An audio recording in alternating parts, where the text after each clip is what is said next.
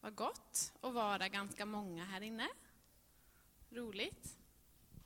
Jag tänkte fortsätta på ballongtemat. Nej. Som startade här lite förut. Eh, när jag kom till barnens förskola i, på onsdag morgon blir det ju såklart. Då hängde det ballonger på dörren och så stod det Välkommen in den dagen restriktionerna tog bort. Vi har fått gå in i hallen, två föräldrar i taget, men vi har inte fått gå in i, på själva förskolan. Och, det, och jag, jag, blev så varm i hjärtat och kände mig, jag kände mig väldigt välkommen. eh, och så hade jag det som en kontrast emot när jag, jag och Alexander var i Linköping i höstas, gamla Linköping, och så gick vi upp till det lilla torget som är där och då finns det en, en liten eh, leksaksbutik och jag älskar sådana små butiker så jag tänkte där ska jag gå in.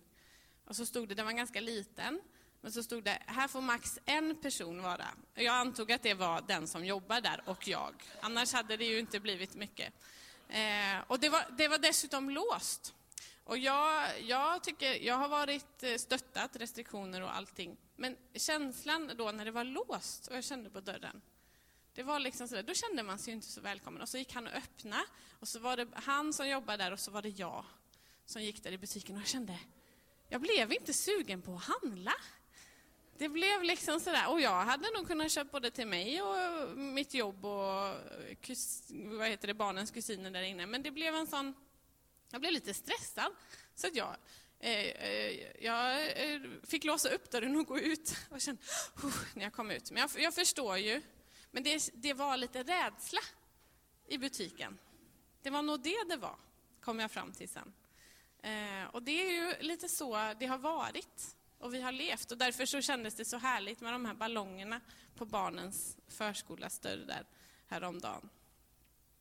Och en fråga som jag har haft nu sen man fick veta att restriktionerna skulle släppas är vad längtar jag efter nu när pandemin börjar släppa sitt grepp? Vad ligger i mitt hjärta egentligen efter de här dryga två åren? Och vad är det som ligger och, och bubblar? Ehm, och jag fick till mig boken från eh, Gamla testamentet, Nehemjas bok. Jag tycker om den boken av flera anledningar. Den innehåller väldigt mycket. Och jag ska inte hålla ett bibelstudium om den. Det kan man hålla på med väldigt, väldigt länge. Men jag tänker låta den idag bara inspirera oss. Den är skriven i jag-form. Vilket jag tycker är så härligt när man läser. Därför att vi kliver ju liksom rå... Oj, nu kliver jag ur bild. Då kliver man rakt in i Nehemjas liv och hans jobb och hans tankar och känslor direkt. Vilket jag tycker är väldigt härligt. Ehm, så vi ska röra oss lite där i Nehemja 1 börjar vi med.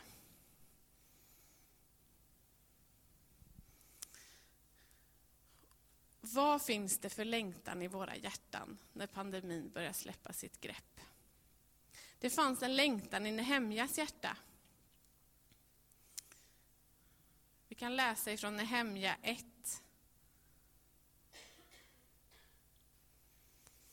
Det hände i månaden Kislev i det tjugonde året när jag var i Susansborg att Hanani, en av mina bröder, och några andra män kom från Juda. Jag frågade dem om judarna, de som hade räddats och fanns kvar efter fångenskapen, och om Jerusalem. De sa till mig, de som är kvar efter fångenskapen befinner sig, eh, befinner sig i provinsen och lider stor nöd och vanära, och Jerusalems mur är nerriven portarna är nedbrända.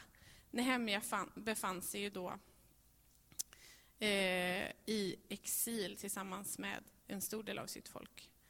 Och då står det i vers 4, när jag hörde det satte jag mig ner och grät. Jag sörjde i flera dagar och fastade och bad inför himlens Gud och jag sa, O Herre himlens Gud, du store och fruktansvärde Gud som håller fast vid förbundet och ger nåd åt dem som älskar dig och håller dina bud. Låt ditt öra lyssna och dina ögon vara öppna så att du nu hör din tjänares bön. Dag och natt ber jag till dig för Israels barn, dina tjänare, och bekänner de synder som vi Israels barn har begått mot dig. Och så ber han en bön i nöd och förtvivlan över det han får höra.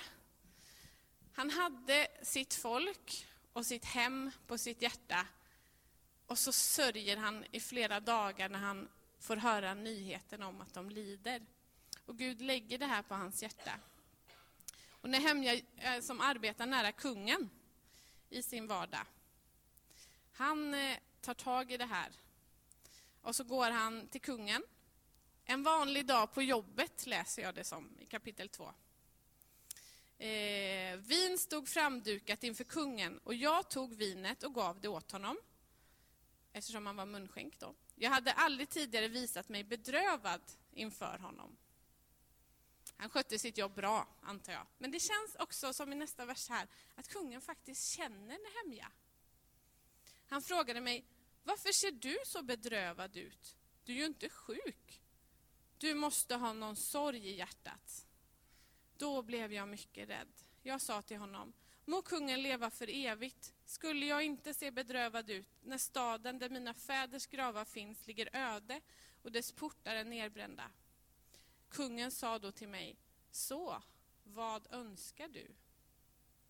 Då bad jag till himlens Gud och svarade sen kungen, om det behagar kungen och om dina, din tjänare funnit nåd inför dig, så sänd mig till Juda, staden där mina fäders gravar finns, så jag kan bygga upp den igen. Och då frågar kungen vad han behöver och hur lång tid. Och de pratar om detta.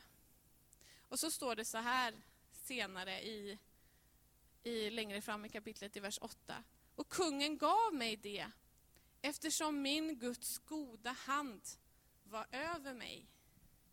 Så på Nehemjas jobb, han råkade jobba hos kungen, eh, så kände han den här starka nöden komma över honom. Och den sken igenom. Och när Gud hade lagt detta på hans hjärta. Och han fick det han bad om, för hans Guds starka hand, goda hand var över honom. I de här kapitlen så finns det en sorg, det finns en bön och en längtan. När vi går vidare och Nehemja sedan kommer till Jerusalem så finns det en spännande berättelse när han innan han har berättat för alla de som är med honom exakt vad planen är så går han ut och han gör en spaning för att se hur är läget? Vart ska vi börja bygga? Hur ska vi bygga? Och han delar med sig av planen och alla fattar mod därför att de också hör hos Nehemja att Gud är med honom.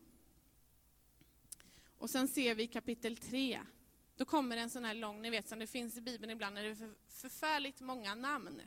Så den som, då, som Samuel och Kristina nu har fått barn, då kan man läsa alla dem för att få lite namninspiration. Här kommer det väldigt mycket namn. Men det jag slogs av när jag läste Nehemja kapitel 3 är bredvid. Ordet bredvid. Bredvid den här familjen. Bredvid Eliashib byggde Jerikos män och bredvid dem byggde Sakur, Imris son. Bredvid, bredvid, bredvid. För att muren skulle bli klar. Ett bygge bredvid varandra. Men allting startar i att Nehemja hade en längtan i sitt hjärta. En längtan som startade i när han hörde hur läget var. Och allt kan genomföras på grund av, som Nehemja säger, min Guds goda hand var över mig. Det citatet finns också i Esra bok, som är också kopplat till återbyggandet av Jerusalem. Att Gud på ett övernaturligt sätt kan lägga ner en längtan i våra hjärtan en viss, och en visshet om att hans goda hand är över oss. Och att den heliga Ande är hjälparen, är med oss. Eh, jag lyssnade till Gertrud, eh, vår kyrkoherde var här förra söndagen och predikade. Eh, vi var, på, vi var sjuka, så vi var hemma. Eh, och så kunde jag titta på det på Zoom. Och då, i ett litet förbigående, så nämnde Gertrud damen Astrid som i Haparanda hade kommit med den gula saben och hämtat barnen och samlat dem, bjudit dem på juice och bullar, sockerkaka eller vad det var och berättat berättelserna ifrån Bibeln. Och tänk att det fick vara med i kyrkoherdens predikan så många år senare, att det har betytt så mycket. För det fanns, måste ju ha funnits en längtan hos Astrid att samla de här barnen, att ge någonting vidare. En nöd att de skulle få höra om Jesus.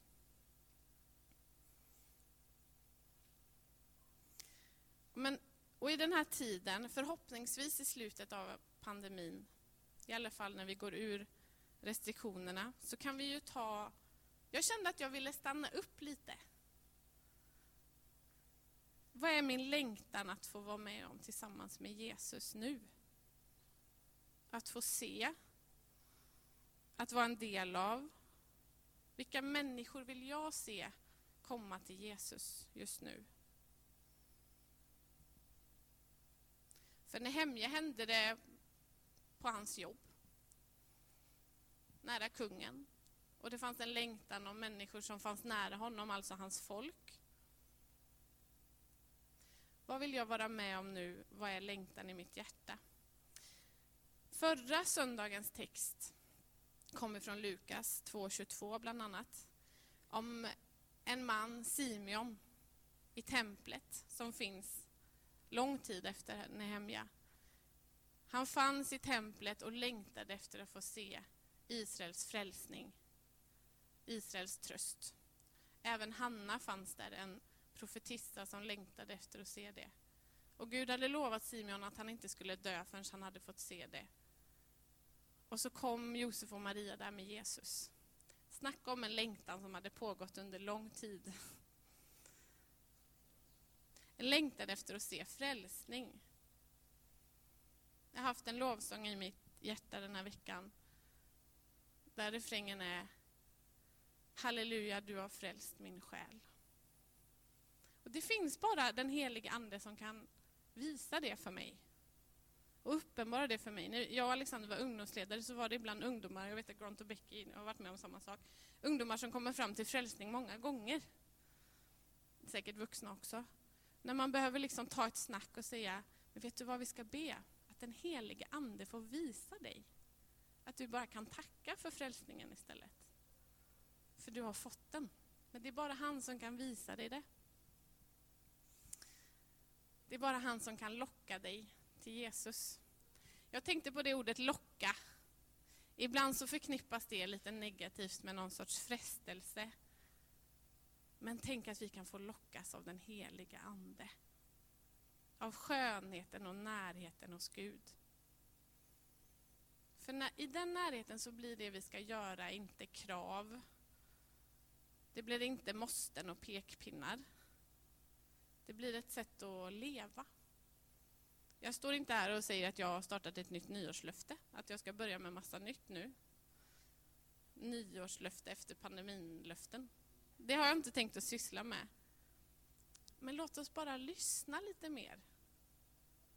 Vad ska jag göra nu?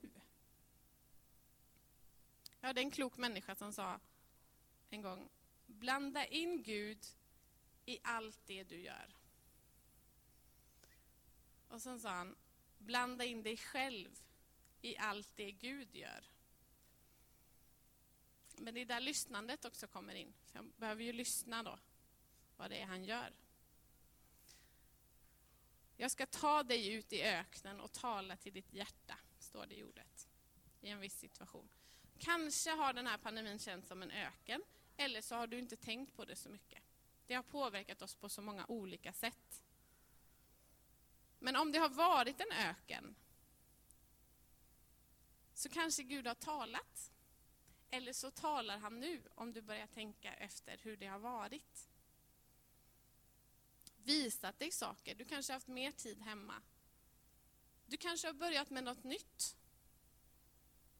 Något som du kan bjuda in någon annan i. Jag har börjat brodera. Det trodde jag aldrig. Alltså verkligen aldrig. Jag var väldigt dålig på syslöjd. Ehm, jag ser Chris nu. Nu blir jag glad, Chris.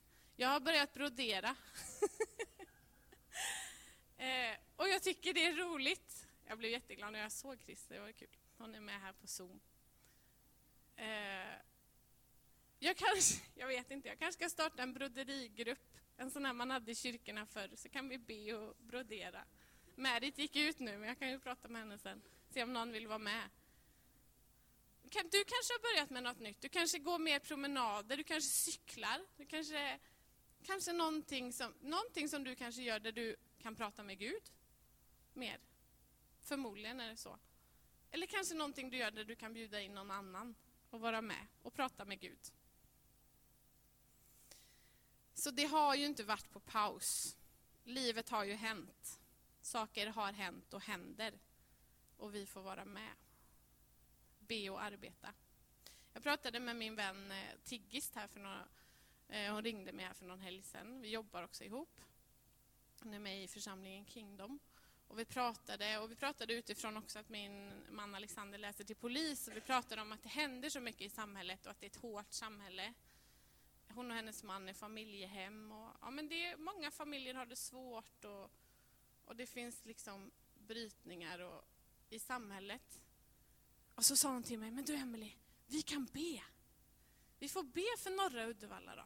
Vi får be för de här familjerna vi tänker på. Och hon är en sån härlig det var en sån härlig påminnelse för mig att jag får vara med och be och arbeta. Jag behöver inte bara tycka eller oja. När jag har ett oj så kan jag ju också ha en bön. För ibland har vi ju oj.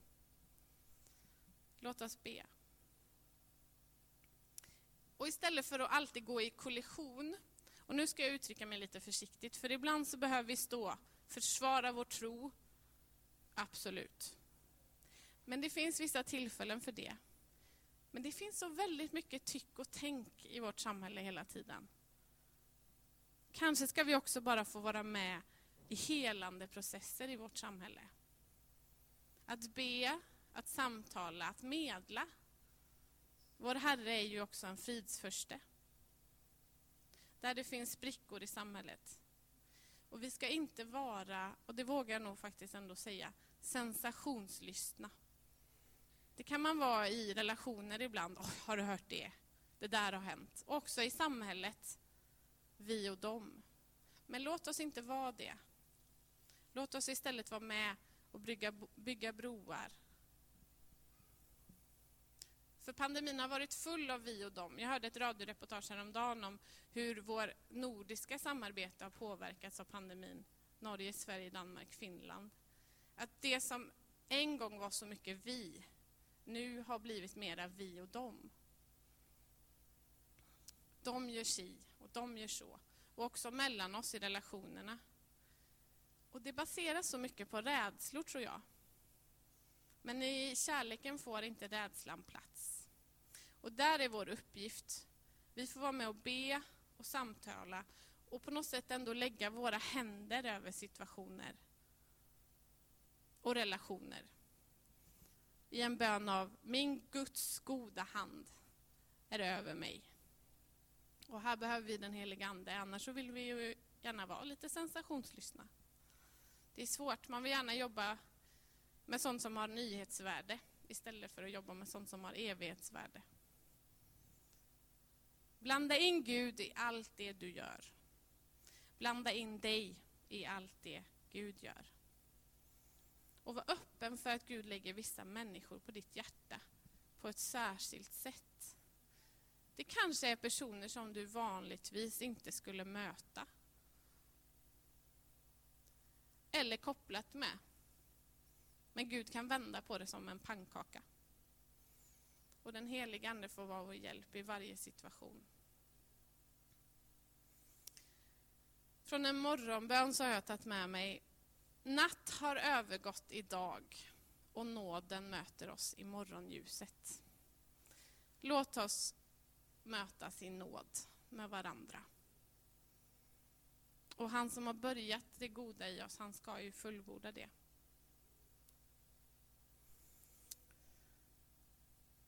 Men jag tänker igen att jag får bottna i det som jag måste höra hemma i. Att du har frälst min själ. För det är det som är källan, det är där det kommer ifrån. Och att den helige Ande får visa mig det. Ett citat ifrån den sången, den lovsången. Eh, I refrängen så sjunger Mikael Jeff Jonsson, och man kan söka, han finns på Spotify. Och låten heter Du har frälst min själ. Och i refrängen går så här. Jag ska lämna mitt mörker nu, krypa ur min vrå. Det finns en kärlek som lockar, som drar i mig så.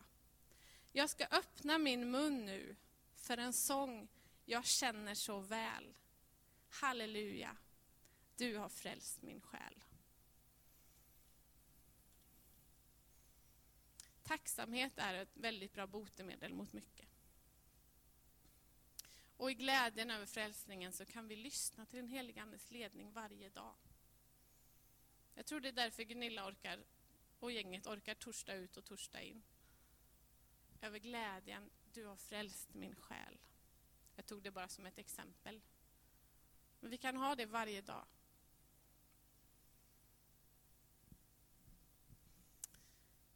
Jag vill avsluta med en bön och så ska Daniel komma upp fram. eh, och efter bönen så kan vi bara ta någon minut eh, att uttrycka från våra hjärtan. Eller säga Gud, den här personen tänkte jag på nu. Eller led mig i den här relationen. Eller här vill jag vara. Hjälp mig att vara en fridskapare här. Där det är som ett getingbo. För vi hamnar ju i situationer där Guds härlighet alltid behövs. Låt oss be. Tack Jesus. Du har frälst min själ. Du har satt mina fötter på en fast klippa. Jag vill öppna mitt hjärta nu och mitt sinne för det du vill tala till mig.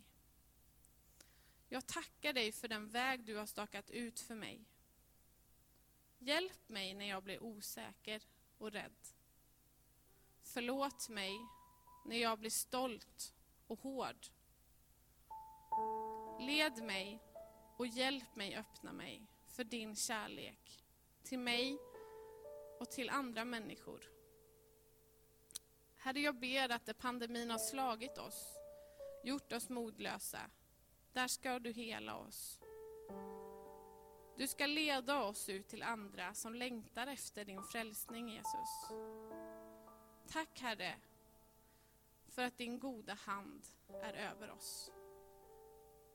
Amen.